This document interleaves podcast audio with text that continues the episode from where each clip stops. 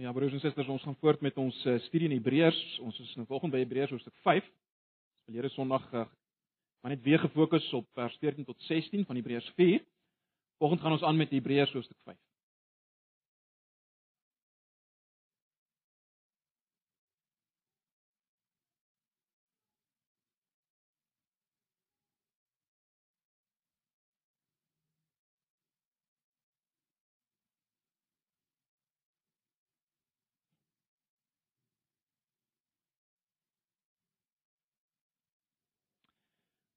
Goed, kom ons raak net stil vir 'n oomblik weer voor ons 'n uh, gedeelte gaan lees.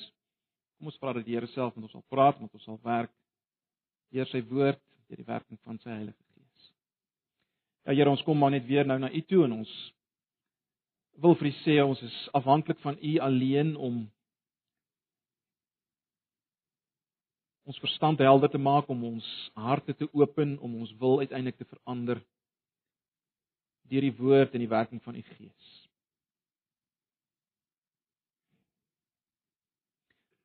Ag Here, inderdaad wil ons nie net soos babas bly by melk nie, ons wil gaan na meer.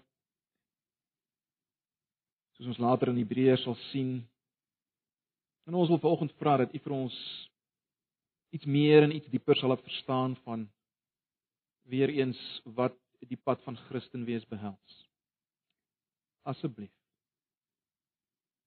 Kom praat met ons, kom werk met ons vanoggend. Ons bid vir elkeen wat vanoggend nie kan wees nie. U ken hulle, eh, die wat siek is. Die wat in hierdie oomblikke swaar kry, behoeftig is. Verskillende redes, Here, nie hier kan wees. Ons wil vra dat U ook in hierdie oggend U self aan hulle sal openbaar. Asseblief. Kom nou Here en praat met ons en werk met ons. Ons verwagting is van U in Jesus se naam. Amen.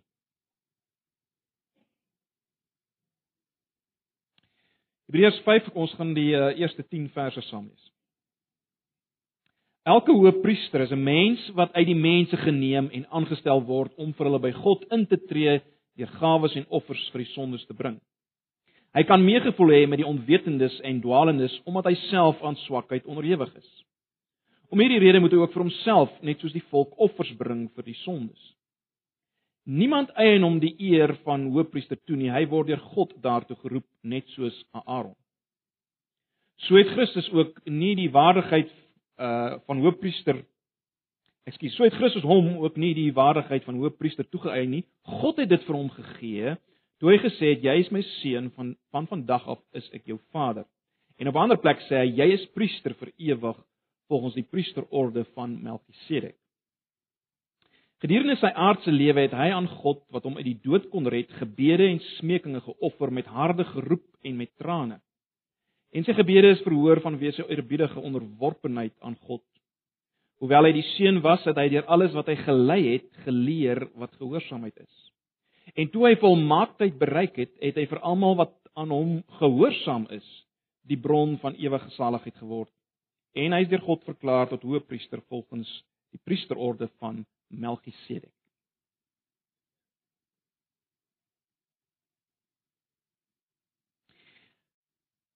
Julle sal onthou ons het verlede Sondag vir mekaar gesê dat ons natuurlike gravitasie as jy wil is weg van God af, né? Nee, ons natuurlike beweging is weg van God af. Dis vir ons onnatuurlik om tot God te nader. Dis vir ons onnatuurlik om na God te kom in gebed, as jy wil. Uh, as gevolg van die wêreld sonde, die duiwel en uh, ons verkeerde siening dikwels van God. As gevolg daarvan beur ons weg van God. Uh dis nie vir ons natuurlik om na God te kom nie. Ons het daaroor gepraat. Nou uit Hebreërs 4 vers 14 en 16 veral uh het ons gesien dat Jesus ons hoëpriester wil ons weer na die Vader bring. Let wel, ons het mekaar gesê, nie net kom hy en hy tree vir ons in by die Vader as hoëpriester nie, daaroor het ons gepraat. Meer as dit, Jesus wil hê ons moet self met vrymoedigheid na die Vader gaan. Hy wil hê ons moet self kom daar waar hy is, by die Vader. Ons het daarna gekyk. Hy wil ons met met vrymoedigheid kom. Hy nooi ons uit uh om om as te ware uit ons behoefte na na sy voorsiening te kom. uit ons as ek dit so kan stel ons uh, ons geestelike koue na na die warmte van sy heilige vuur liefde en gemeenskap uit ons vrees na vertroue en liefde te kom. Hy roep ons daar. Hy roep ons daar. Daaroor het ons gepraat verlede Sondag. Maar maar nou is dit so dat die die eerste lesers van Hebreërs en ook ons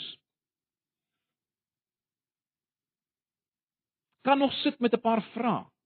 Na alles wat ons nou oor gepraat het verlede Sondag, die wonderlikheid daarvan dat ons met vrymoedigheid na God kan nader, die wonderlikheid van dit wat Jesus as hoofpriester vir ons gedoen het. Na alles kan ons nog sit met met die vraag, maar goed.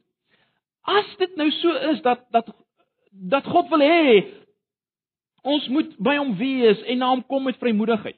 As dit so is, waarom dan nog soveel swaar kry in my lewe. Dinge wat verkeerd loop, wat net nie uitwerk nie, hartseer. Nog meer as dit, waarom verhoor hy nie my gebede nie? Kyk, ek kan verstaan, ek kan nie al my gebede verhoor vir myself, die selfsugtige dinge waarvoor bid nie. Maar waarom verhoor hy dit wels oënskynlik ook nie my gebed vir fisiese hulp en geestelike hulp nie? Waarom? As ek huil en ek roep na hom. Hoe gebeur dan net niks?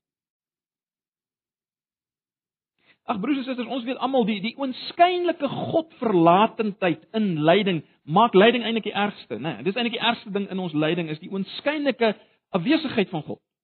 As ek deur 'n moeilike tyd gaan. Natuurlik laat dit onmiddellik 'n vraag ontstaan by ons en en en die vraag is Maar goed, is my sonde dan werklik vergewe? Hou God dit nie teen my nie? Is dit nie die rede hoekom uh, hy nie antwoord nie? Hoekom my lewe nie reg uitwerk nie? Is dit nie dalk omdat daar sonde in my lewe is nie? Dis 'n natuurlike vraag. Het hy werklik my sonde volkome vergewe? Dis 'n baie natuurlike vraag wat by ons opkom. Of hou hy dit nog teen my? Ag broers en susters, en so kan ons die vrae vermenigvuldig en en en ons moet vir mekaar sê by sommige mense raak hierdie vrae natuurlik geweldig akuut, nê. Nee. In so 'n mate dat hulle later niks wil te doen hê met die Christelike geloof. Beer weg totaal van die Here af uh omdat hulle sit met hierdie vrae. Nou, die skrywer van Hebreërs onder leiding van die Heilige Gees wil werklik vir sy eerste lesers en vir ons wat ver oggend hier sit. Hy wil hê ons moet tot 'n dieper verstaan kom van die Christelike lewe. Deur dwars deur die hele brief, nê, nee, en ook ook uit volgende gedeelte. En hy wil hê dat ons moet verstaan die sleutel tot 'n verstaan van die Christelike lewe is 'n kyk na Jesus ons hoëpriester. En dit is niks vreemd nie. Ons ons ons weet, ons het uh, by die inleiding toe ons gepraat het oor Hebreërs al daaroor gepraat. Da, Daar's duidelik ek eksplisiete opdragte om om om Jesus voor oë te hou en te kyk na hom. Ons dink aan hoofstuk 3 vers 1, ons dink aan hoofstuk 12 vers 2. Daar's dit absoluut eksplisiet. Hou Jesus voor oë. Stap agter hom aan, né? Nee, dit is eksplisiet.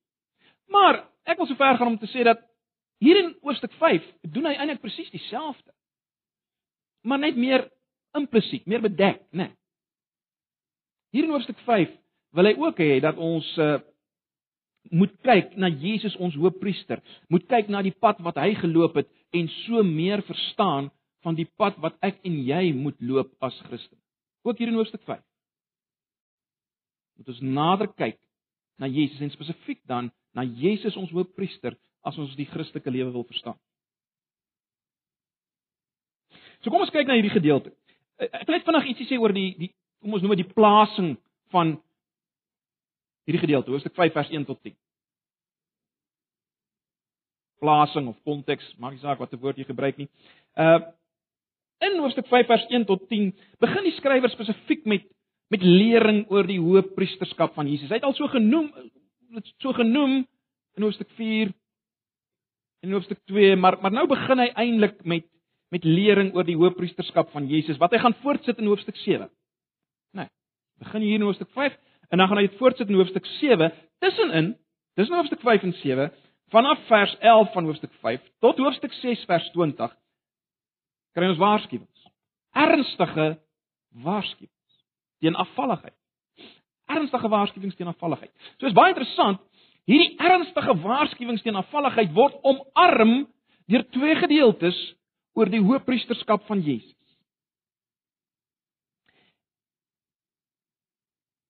En ek dink dit is doelbewus, hoor.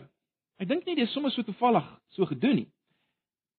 Ek dink deur te fokus op die hoëpriesterskap van Jesus wil die skrywer as te ware vir ons wys hoe gevaarlik afvalligheid is aan die een kant, maar ook hoe dwaas afvalligheid is. Dis nie net dis nie net gevaarlik nie, dis dwaas om afvallig te word in die lig van wie Jesus ons hoëpriester is. Né? Nee, so dis hoekom hierdie twee gedeeltes omarm die twee gedeeltes oor hoëpriesterskap omarm die gedeeltes oor afvalligheid, die waarskuwing teen afvalligheid. So, hoofstuk 5 vers 1 tot 10 is as te ware inleidende opmerkings om vir ons 'n beter verstaan te gee oor die hoëpriesterskap van Jesus. Maar baie belangrik, en dit gaan ons vanoggend sien, reeds hier kom daar verrassende antwoorde op die vrae wat ons het. Reeds hier in hoofstuk 5 vers 1 tot 10 kom daar verrassende antwoorde op die vrae wat ons nou net uitgelig. Nou, wat die skrywer doen in die eerste 4 verse van hoofstuk 5 is om na die aardse hoofpriester te kyk en algemene opmerkings te maak oor die aardse hoofpriester. Dis wat ons kry in die eerste 4 verse. Nou, sommige dinge wat hy hier noem oor die aardse hoofpriester, het hy alreeds toegepas op Jesus in hoofstuk 2 en en ook in hoofstuk 4 en en en in hoofstuk 7 gaan hy gaan hy meer uitbrei oor hierdie dinge. Maar hoofsaaklik sê hy hier hoe lyk die aardse hoofpriester. En dan later gaan hy daarop voortbou in hoofstuk 7 as hy die verskil wys van Jesus en en die ooreenstemming van Jesus. Maar maar hier is belangrike dinge wat ons reeds moet raak sien. Hy begin om om klem te lê op die feit dat die aardse hoofpriester is 'n mens. Hy het mense aangestel. Nou hy het reeds al 'n bietjie klem gelê op die feit dat Jesus, ons moet verstaan, Jesus is ook 'n mens. Jesus is mens. En hy steeds 'n mens. Verheerlik ja, maar 'n mens. So, die eerste ding wat hy noem oor die aardse hoofpriester is 'n mens deur mense aangestel. 'n Tweede ding wat hy noem is dat die hoofpriester tree in by God vir mense deur offers en gawes. En ons het alreeds gesien in hoofstuk 4 vers 14 tot 16, uh, bou hy implisiet op hierdie veronderstelling dat die hoofpriester intree vir ons, né? Nee, ons het 'n bietjie daaroor gepraat. Wat die offer van die hoofpriester betref, wel, in hoofstuk 7 gaan hy begin om werklik uit te brei daarop, hoofstuk 7 en verder. En hy gaan wys op die finaliteit, die volkomendheid van Jesus as hoofpriester se laaste offer. Net so terloops wat die wat die hoofpriester se offers uh by uh behels. Uh ons moet nooit vergeet nie. Ons moet nooit vergeet dat die aardse hoofpriester het 'n uiters gevaarlike werk gehad. Jy was nie seker as hoofpriester dat jy gaan leef as jy klaar in die heiligdom of in die allerheiligste ingegaan het om die offer te bring nie, hoor. Dan was daar ook 'n klokkie gewees aan jou kledingstuk en as jy as nie meer die klokkie gehoor het nie, dan het jy geweet jy hulle moet jou gaan uitsleep uit die allerheiligste. Want jy sien God is gevaarlik. Ons het daaroor gepraat. God is gevaarlik. God maak mense dood en hy het mense doodgemaak. God is heilig. Hy haat sonde. En daarom het die hoofpriester 'n geweldige gevaarlike werk gehad. Geweld. So hou, hou dit maar in gedagte ook as ons later gaan kyk na Jesus se werk as hoofpriester. Maar dit dit net so terloops. Maar belangrik. Die hoofpriester se werk was hy ingetree by God deur gawes en offers vir mense. 'n Derde ding wat hier uitgelig word in die eerste 4 verse is dat hierdie hoofpriester het meegevoel gehad met soos ons vertaling dit noem onwetendes en dwalendes. Uh, dit verwys na mense wat in onwetendheid sondig en wat dwaal. Hy het medelee gehad met hulle want hy was self 'n mens. En en die vierde ding wat uitgelig word hier deur die skrywer is dat hy moes ook vir homself offers bring. Die aardse hoofpriester nou, né? Hy moes homself offers bring want hy was 'n mens wat ook gesondig. Nou in hoofstuk 7 sal ons sien hoe die skrywer wys dat Jesus se offer juis anders was in daardie sin van die hoofpriester sin. Eh, julle sal weet hy het reeds vir ons gesê dat Jesus was sonder sonde. Ja, hy's versoek in elke opsig soos ons, maar hy was sonder sonde. En daarom die geweldige ding wat ons later gaan sien is dat alhoewel Jesus nie 'n offer vir sy eie sonde hoef te bring nie. Bring hy 'n offer? Hy bring homself. Nie net 'n dier waarop die sonde van die volk gelaai is nie. Hy bring homself as die een op wie die sonde van die wêreld gelaai is.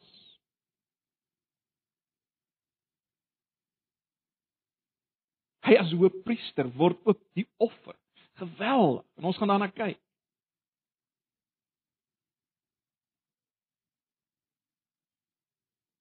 Hy is uiteindelik die offerdier waarop my en jou jou sonde oorgelaai is. So dis die dis die vierde ding wat ons hier sien. Die vyfde punt wat die skrywer hier uitlig en dis baie belangrik vir wat, vir dit waaroor ons nou gaan praat. Hierdie hoofpriester is deur God aangestel. Julle het dit raak gesien? Hy is deur God aangestel. En dit is belangrik want dit speel 'n groot rol juis vanaf vers 5 en verder. So dis algemene opmerkings wat hy maak oor die hoofpriesterskap van die aardse hoofpriester. En nou kom hy en hy fokus spesifiek in vers 5 tot 10 op Jesus ons hoofpriester. Jesus ons hoofpriester en hier's 'n paar verrassende opmerkings.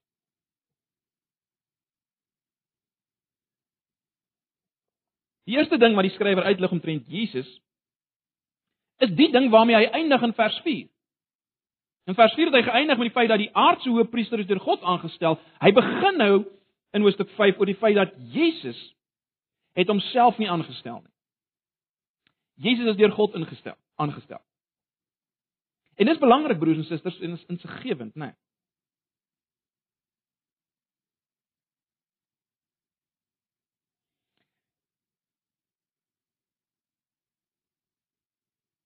Hy is nog iets meer. Jesus is nie as 'n neutrale figuur, as ek dit so kan stel, aangestel in die pos van hoofpriester nie. Nee, hy is as God se seun aangestel. sien julle dit? Skrywer lê klem nou. Hy is as as God se seun aangestel. Met ander woorde, as die geliefde een, julle sal onthou hoe die Heilige Gees uh gekom het op Jesus, toe kom daar 'n stem uh, by sy doop. Dit is my geliefde seun in wie ek welbehaag. Nou ja, dis daardie geliefde seun in wie God 'n welbehaag. Hy is as hoofpriester aangestel. Dit is belangrik. En en die skrywer haal twee Ou Testamentiese gedeeltes aan om dit te bevestig? Nee, Psalm 2 vers 7 en Psalm 110 vers 4. Baie interessant terloops, Psalm 2 vers 7 is al reeds hier in in die begin in hoofstuk 2 aangehaal uh in verband met Jesus se verhooging eintlik in hoofstuk 1 al in verband met Jesus se verhoging. Nou al dit weer aan. En dit alles maak vers 7 tot 9 iets wat van 'n skok.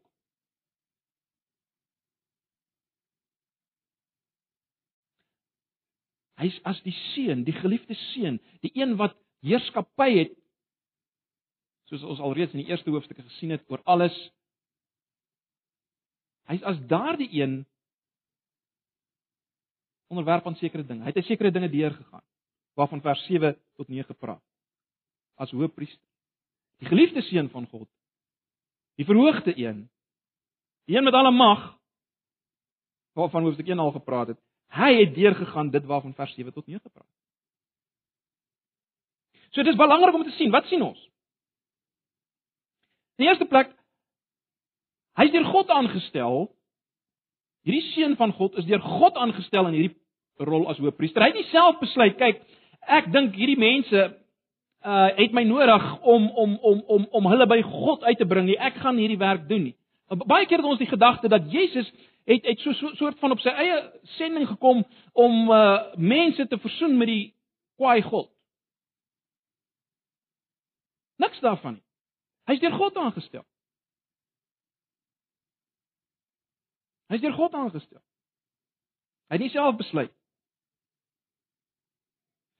Maar nou baie belangrik, God se aanstelling van Jesus as hoofpriester. God se kies van Jesus vir sy werk as hoofpriester het 'n paar dinge vir hom ingehou.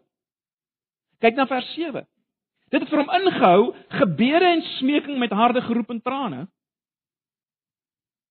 En dit vir hom ingehou lyding vers 8.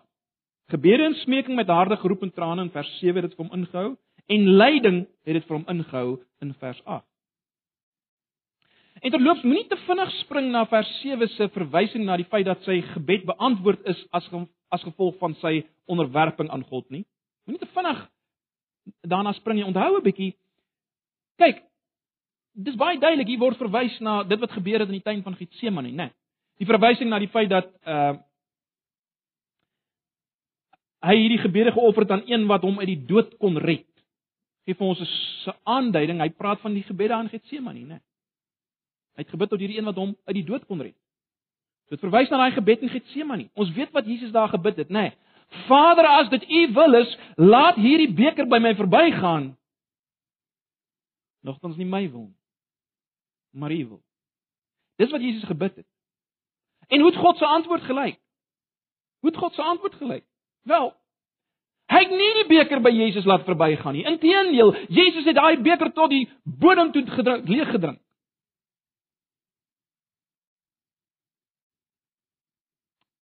nie die beker by hom laat. Hy moes hom gedrink het tot op die punt waar hy uitgeroep het: "My God, my God, waarom het U my verlaat?" Dis hoe God se antwoord gelyk het op Jesus se gebed. Jy sien, wat ons moet raak sien is God se verhoring van Jesus se gebed hier in Getsemane het totaal anders gelyk.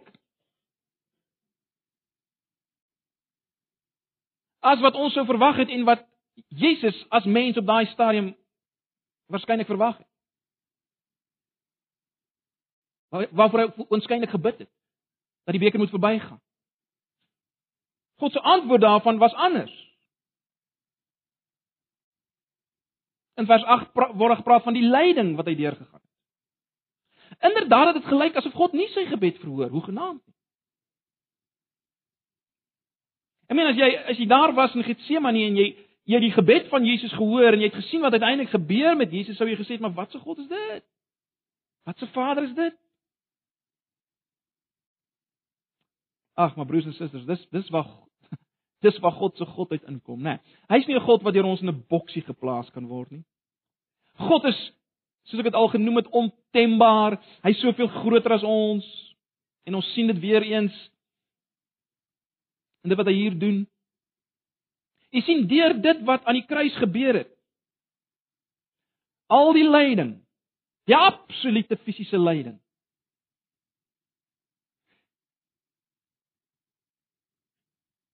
En die geestelike lyding as ek dit so kan stel, die oordeel van God wat hy op homself neem, die uitroep van God verlatendheid. Deur dit alles bereik God iets geweldig. Hy bring Jesus tot soos die skrywer dit hier noem, volmaaktheid. Hy bring hom tot volmaaktheid. Nou hoe moet ons daai volmaaktheid verstaan? Wel, dit beteken nie dat Jesus onvolmaak was in die sin van sondig was en nou deur wat gebeur het aan die kruis en in sy lyding het hy gekom tot sondeloosheid en in daardie sin volmaaktheid. Nee, ek dink ek het al vir julle gesê dat in Hebreërs het hierdie hierdie woord volmaaktheid die betekenis van voltooiing, van klaarmaak. Die bereiking van 'n uiteindelike doel. So waar dit hier gaan is dat Jesus het uiteindelik klaar gemaak. Hy het voltooi dit wat God wou gehad het deur lyding heen. Hierdie werk van hoëpriester. Hy het die hele pad geloop van menslike gebrokenheid en van hartseer sodat hy 'n volmaakte verlosser kan word op 'n manier wat ons nooit werklik sal verstaan.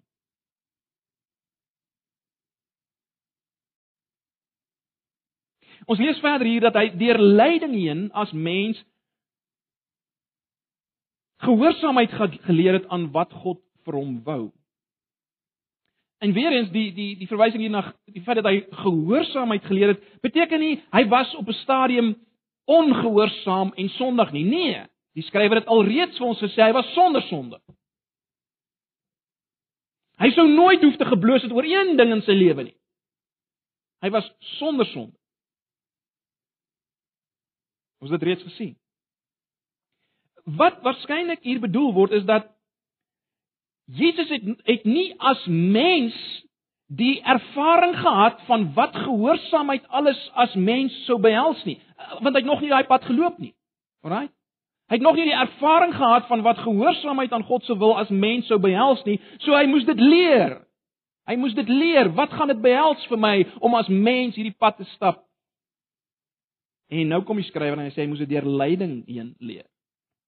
Hy moes dit deur lyding heen leer.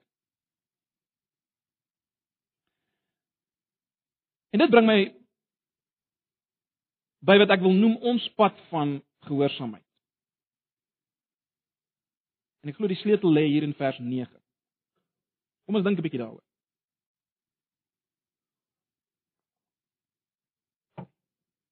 Onthou ons nou al gesien, Jesus was waarlik mens. Hy was waarlik mens, nie ek en jy. Hy weet presies wat ek en jy deurgaan. Hy hy weet hy weet hoe's 'n mens. Hy was waarlik mens en hy's nou nog mens. En daarom dat is hy so 'n wonderlike hoëpriester wat ons kan intree, want hy's nou nog mens. Verheerlik ja, maar mens. Hy was mens en hy was let wel, hy was sondeloos. Ons het vir mekaar gesê hy was God se geliefde seun. En nou het ons gesien hoe het sy pad gelyk na volmaaktheid, na dit wat God hom wou bring. Sy pad na God se teenwoordigheid. As jy wil, sy pad tot in die allerheiligste as jy as jy wil, watter term jy ook al wil gebruik. Ons het nou gesien hoe het daai pad gelyk? Dit was 'n pad van van lyding, swaar kry, uitroep na God, gebede wat nie onmiddellik beantwoord word soos hy soos jy dink dit gaan beantwoord word. Dis die pad wat hy geloop. En ons het mekaar gesê, dis die pad wat deur God uitgewerk is vir hom. God het hom aangestel in hierdie pad, op hierdie pad as hoëpriester. En dit bring my by vers 9, want dit lyk vir my dat die skrywer wil hê dat ons reeds hier al en en, en later word baie duidelik as ons kom by Hebreërs 12 en so meer, maar reeds hier al wil die skrywer hê dat ons moet verstaan dat ons dieselfde pad loop. Ek en jy loop in 'n sekere sin met uitsondering van een aspek waarna ek nou sal verwys. Stap ek en jy dieselfde pad na volmaaktheid.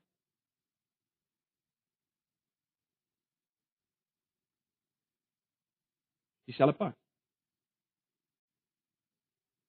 Dan oor ons uiteindelik gaan na God in die finale sin van die woord as ons sterwe en en ook ons nou nader na God met vrymoedigheid gaan gepaard met as jy wil dieselfde dinge. Hoekom sê ons so? Wel, kyk net weer na vers 9. Kyk net weer na vers 9. En toe hy volmaaktheid bereik het, het hy vir almal wat aan hom gehoorsaam is, die bron van ewige saligheid geword. Jy sien, ek dink hier's 'n doelbewuste gebruik van die woord gehoorsaamheid, want hy het in vers 8 klem gelê op die feit dat Jesus het gehoorsaamheid geleer deur wat hy gelei het. Nou kom hy en hy sê hy het 'n bewerker van ewige saligheid saligheid geword van die wat hom gehoorsaam het. Jy sien, ons moet ons moet dit raak sien. Baie duidelik.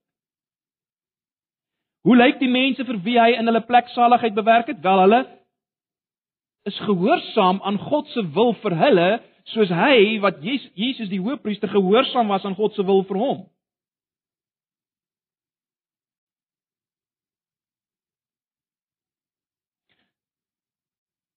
God se wil vir ons is gehoorsaamheid aan Jesus. Met ander woorde, God se wil is dat ons Jesus op sy woord sal neem, sal doen wat hy gesê het ons moet doen. Dis God se wil. Alles wat Jesus gesê het sy mense moet doen wat opgesom kan word aan opgesom kan word deur 'n absolute liefde vir hom en 'n liefde vir die rondom jou.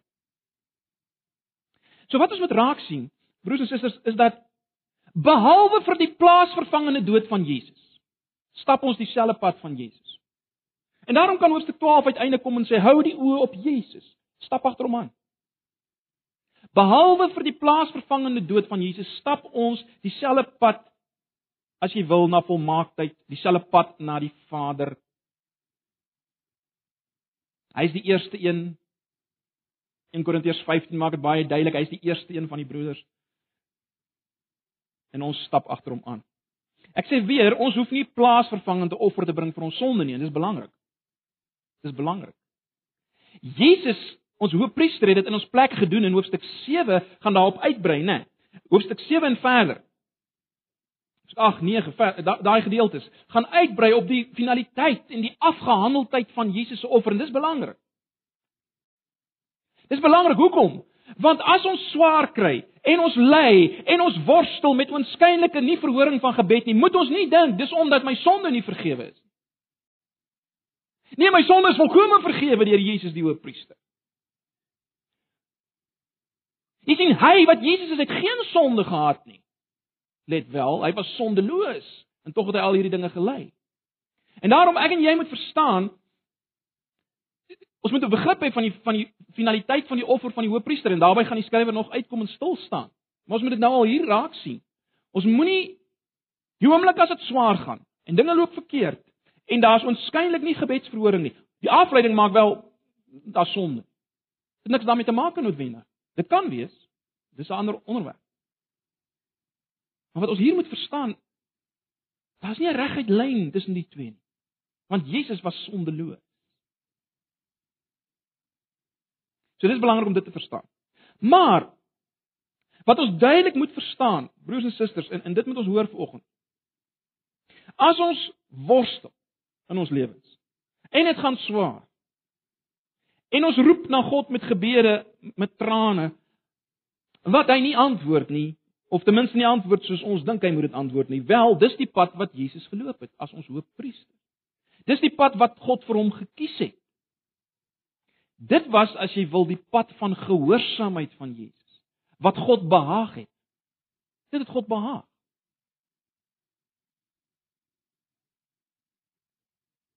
So baie belangrik. Christen wees en ag ons weet dit. Maar kom ons sien dit vanoggend weer binne hierdie konteks. Christen wees behels 'n lewe van gehoorsaamheid. Ons kan nooit daarby verbykom. Dis 'n lewe van oorgee aan God se wil. Watter God? Die God wat ons pad vir ons kies soos Jesus se pad gekies is. Deur God.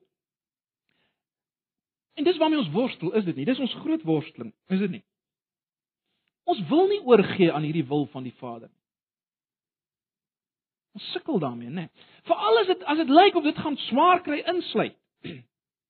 Ek meen as ek bietjie van my aansien gaan gaan verloor op hierdie pad, my gewildheid, my finansiële posisie. Dan dan dink ek terug van hierdie pad, né? Ek val eerder eerder terug en dis wat die eerste lesers van Hebreërs gedoen het. Ek val eerder terug op 'n baie gemaklike werke godsdiens wat 'n klomp goedjies net doen, ritueeltjies deurgaan, ek kom sit in die sonnaandoggende hier, lees nou en dan my Bybel en doen 'n paar gebede, maar ek stap nie agter Jesus aan nie. Want ek sien nie kans vir hierdie pad.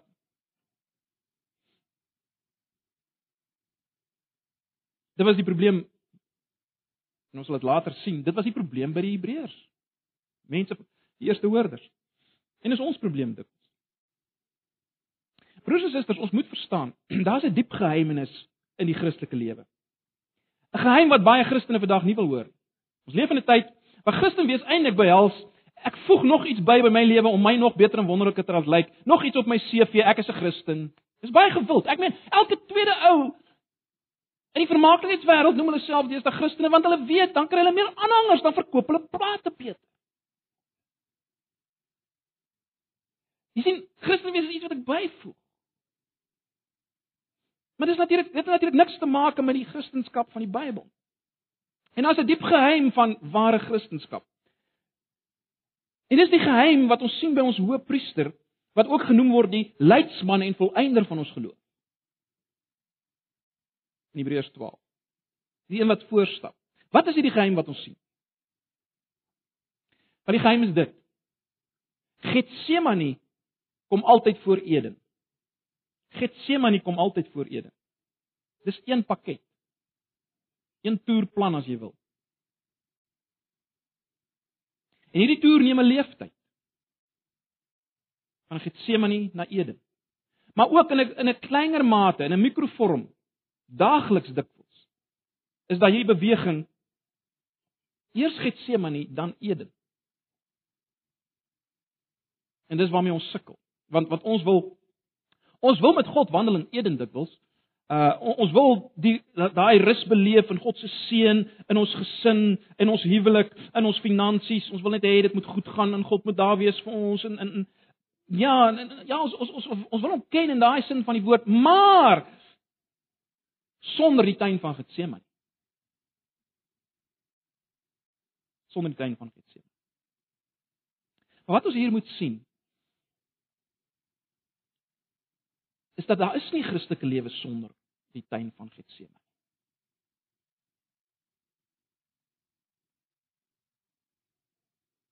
Christelike lewe het alles te maak met die oorgee van my wil aan die Vader. Wat Jesus ons hoofpriester en volëinder van ons geloof hierdie pad laat stap het. En wat 'n bewerker van saligheid is vir die wat hom gehoorsaam is op dieselfde wyse. So 'n vraag wat ons onsself moet afvra is waar staan ons? Waar staan ek en jy wat betref ons oor die oorgee van ons wil aan die wil van die Vader vir ons lewens? Ek wil 'n paar opmerkings hieroor maak. Die oorgee van ons wil aan die Vader begin by geloof. Die oorgee van ons wil begin by die vertroue dat die een wat beheer is of in beheer is van my lewe is die een wat in beheer was van Jesus my hoofpriester se lewe. Baie belangrik. Dit is waar dit moet begin. Geloof en vertroue dat die een wat in beheer is van my lewe met alles wat gebeur is die een wat in beheer was van Jesus die hoofpriester se lewe wat hom aangestel het. En daarom kan ek weet dat die wil van God vir my lewe is of laat ek dit so stel, die wil van God vir my lewe gaan insluit. Miskien beter om dit so te stel. Die wil van God vir my lewe gaan insluit hartseer, swaar kry, onskynlike nie gebedsverhoring. Punt nommer 1 en punt nommer 2, God se wil vir my is altyd gehoorsaamheid aan Jesus. God se wil vir my is altyd altyd gehoorsaamheid aan Jesus. Met ander woorde, geloof en vertroue in Jesus en die neem van Jesus op sy woord. Dis altyd God se wil. Jy hoef nie te wonder oor God se wil vir jou lewe nie. Dis altyd God se wil. Gehoorsaamheid aan Jesus en die neem van Jesus op sy woord. Ek het dit al baie gesê, ek sê dit weer. En ons sukkel daarmee, ek sukkel daarmee. Geloof in Jesus beteken nie net om hom te vertrou om my te red uiteindelik vir ewige saligheid. Geloof in Jesus beteken dat ek hom op sy woord vat. Dat ek Jesus glo. Nie net in hom glo nie, ek moet hom glo. En dis die pad wat die Here van ons wil. Dis dis God se wil vir ons. Glo Jesus, dan is jy hom gehoorsaam. Kom ek gee 'n voorbeeld. Uh voorbeeld wat ek mag dikwels ook gebruik. As Jesus sê moenie bekommerd wees oor wat jy sal eet en wat jy sal drink of wat jy sal aantrek nie, maar soek eers die koninkryk van God. En dit wat jy nodig het om die koninkryk van God na te volg sal vir jou gegee word.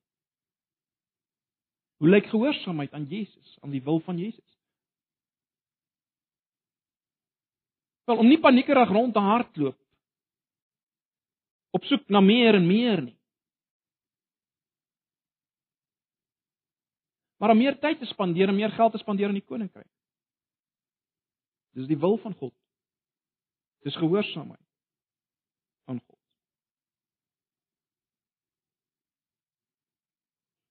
Jesus se opdrag om mekaar lief te hê. Ja, al worstel ons daarmee en al sukkel ons.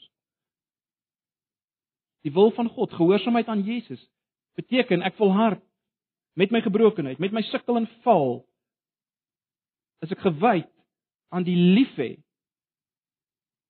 van my broers en susters rondom my. Prakties sigbaar met wilsdade. Jy sien as ek dit doen, as ek daarmee besig is, ja, nie in volkomendheid nie, in gebrokenheid natuurlik. As ek daarmee besig is en daar is swaar kry my lewe en lyding, wel ek kan weet ek is in die hande van my Vader soos Jesus in sy hande was.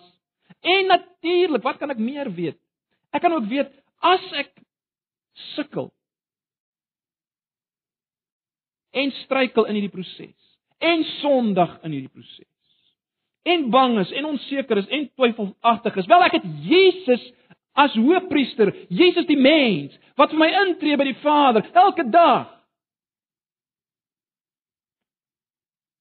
wat medelee het met my swakheid Wat jy dink, ag man, jy's ampateties man. Jy behoort al baie verder te wees. Jy soek nie sukkel jy so nie. Nee nee, hy het medelee met ons swakheid. Hy's daar vir ons.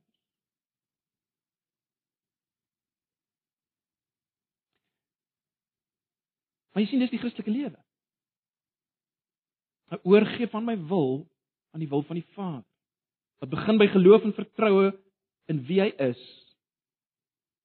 En daarom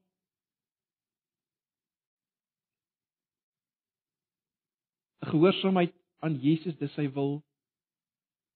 En ek gaan en ek weet dit gaan insluit swaar kry, lyding, sukkel. Maar hy's daar vir my. Dis die dis die Christelike pad, broers en susters. Net 'n laaste, net 'n laaste gedagte. Wat nog steeds gaan oor hierdie oorgee van ons wil. Uh, ons het gesien in Hoofstuk 4 vers 16 dat As die skrywer sê ons moet tot God nader met vrymoedigheid, onthou julle? Ons moet tot God nader met vrymoedigheid. Ons het mekaar gesê dat uh die vroeë Christene het dit so verstaan dat dit verwys na na gebed. Na gebed.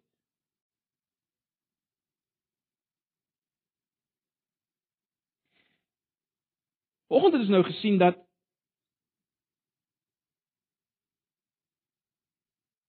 Jesus se gebed in Getsemane is gekenmerk deur 'n oorgee van sy wil. Is dit nie? Dis belangrik. So met ander woorde, wat ek probeer wat ek probeer sê is hierdie oorgee van ons wil manifesteer uiteindelik in gebed. Alraai? Hierdie oorgee van my wil word duidelik as jy wil in gebed. As jy as jy kyk hoe jy bid, as jy luister hoe iemand bid, dan gaan jy weet is hierdie is hierdie persoon besig om hom oor self oor te gee aan God of nie. Soos Jesus in Getsemane. Ek wil graag 'n aanhaling lees wat iemand hieroor gegee het.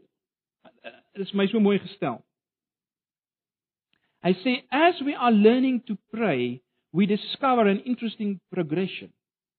In the beginning our will is in struggle with God's will. We beg, we pout, we demand, we expect God to perform like a magician or shower us with blessings like Father Christmas. We major in instant solutions and manipulative prayers. As difficult as this time of struggle is, we must never despise it or try to avoid it. It is an essential part of our growing and deepening in things spiritual. To be sure, it's an inferior stage. But only in the sense that a child is at an inferior stage to that of an adult. The adult can reason better and carry heavier loads because both brain and brawn are more fully developed. But the child is doing exactly what we would expect at that age. So it is in the life of the spirit. Maar dan baie belangrik. In time, however, we begin to enter into graceful releasing of our will and to flowing into the will of the Father. Dis wat Jesus gedoen het. It is the prayer of relinquishment, gebed van oorgawe, that moves us from the struggling to the releasing. Ag, ek lees dit net broers en susters, dit is vir my so mooi saamgevat. Jy sien Dis waar ons gebede al meer moet moet kom. By die punt waar Jesus gekom het in sy gebed in Getsemane. Dis die pad van Christen wees. Oorgawe wys jy in ons gebede. Dis die tipe gebed wat Jesus die Hoofpriester wil hê ons moet bring na God al meer en meer. So ek sluit af. As jy maar net dit volgens verstaan. Die wil van God vir my as Christen is die pad van Jesus ons Hoofpriester. Maar op hierdie pad het ons Jesus, ons Hoofpriester, wat met ons medelee het en wat vir ons intree. En wat uiteindelik sal sorg dat ons finaal by God sal wees. En wat elke dag vir ons help om in te tree by God en na God te kom. Dis Christen wees, broers. Dis die pad van Christen wees. Dis die wil van God. Pad van Jesus ons hoofpriester saam met Jesus ons hoofpriester. Ag my gebed is dat die Here dit al meer vir ons verstaanbaar sal maak. Ehm um, ek weet dis is dis miskien volgens moeilik vir jou om dit te vat. Die skrywer van Hebreërs het iets daaroor te sê later. Maar kom ons vat dit. Dis die pad van Christus. Ons bid saam. Here baie dankie vir die woord. My gebed van net vanoggend is dat U al meer en meer deur die Gees ons oë sal open vir wat dit beteken om Christen te wees. Wat dit beteken om te lewe met die oë gefestig op Jesus.